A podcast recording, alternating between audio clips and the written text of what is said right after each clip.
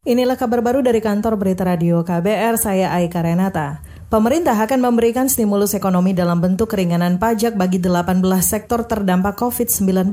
Nilai total stimulus ekonomi itu mencapai 35,3 triliun rupiah.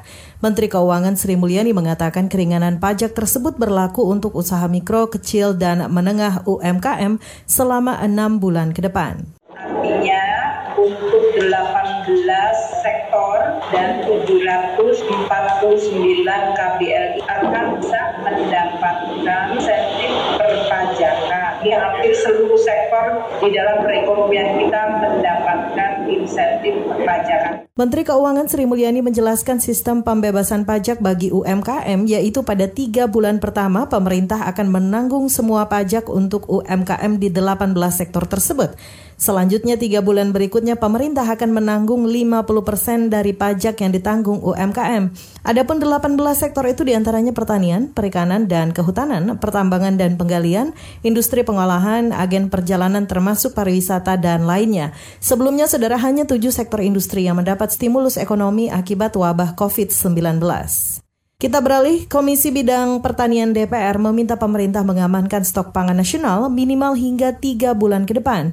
Anggota Komisi Pertanian DPR, Emma Umiyatul Husnah, meminta Badan Urusan Logistik Bulog menyiapkan pasokan pangan nasional untuk mencukupi kebutuhan masyarakat saat pandemi COVID-19 ini. Di setiap bulog itu juga harus disiapkan 11 kebutuhan pokok dan masyarakat dengan harga yang harus murah dan dijangkau oleh masyarakat. Pemerintah daerah untuk menyiapkan stok pangan itu bisa melalui Bulog dan Bulog harus menyediakan kebutuhan masyarakat terutama dalam COVID-19 ini. Jangan sampai ada gudang Bulog yang kosong.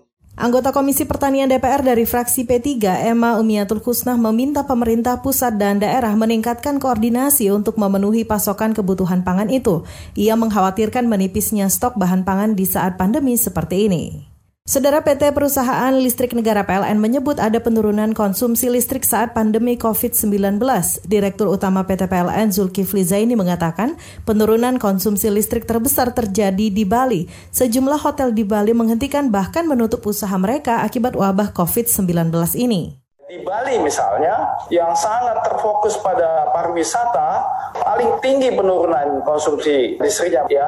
Hotel-hotel tidak beroperasi, itu tam tamunya turun drastis, dan kami ingin sampaikan pada kesempatan ini penurunan konsumsi listrik di Bali itu jauh lebih besar dibandingkan dengan tempat lain, karena mereka sudah turun hampir 20 persen. Direktur Utama PT PLN Zulkifli Zaini menambahkan penurunan konsumen juga terjadi di Pulau Jawa. Pulau Jawa yang menjadi pusat epicentrum penyebaran wabah mengharuskan industri mengurangi aktivitas dan jam operasional mereka. Hal itu juga berdampak pada berkurangnya konsumsi listrik. PLN juga telah menyiapkan skenario untuk menjaga pertumbuhan listrik selama pandemi COVID-19. Kita ke mancanegara, Laboratorium Klinis Amerika, Quest Diagnostic Incorporated mulai melakukan pengujian menggunakan sampel darah untuk mendeteksi antibodi COVID-19. Mengutip Reuters, laboratorium itu berharap pengujian itu bisa meningkatkan kapasitas pemeriksaan COVID-19. Quest juga tengah menggunakan pengujian perusahaan lain yang menggunakan spesimen serum darah untuk menemukan keberadaan antibodi COVID-19. Tes antibodi dianggap sebagai cara baru potensial dalam perang mencegah penularan COVID-19. Quest juga akan melaporkan hasil tes dalam satu hingga dua hari setelah mengumpulkan spesimen contoh darah. Demikian kabar baru dari kantor berita radio KBR, saya Aika Renata.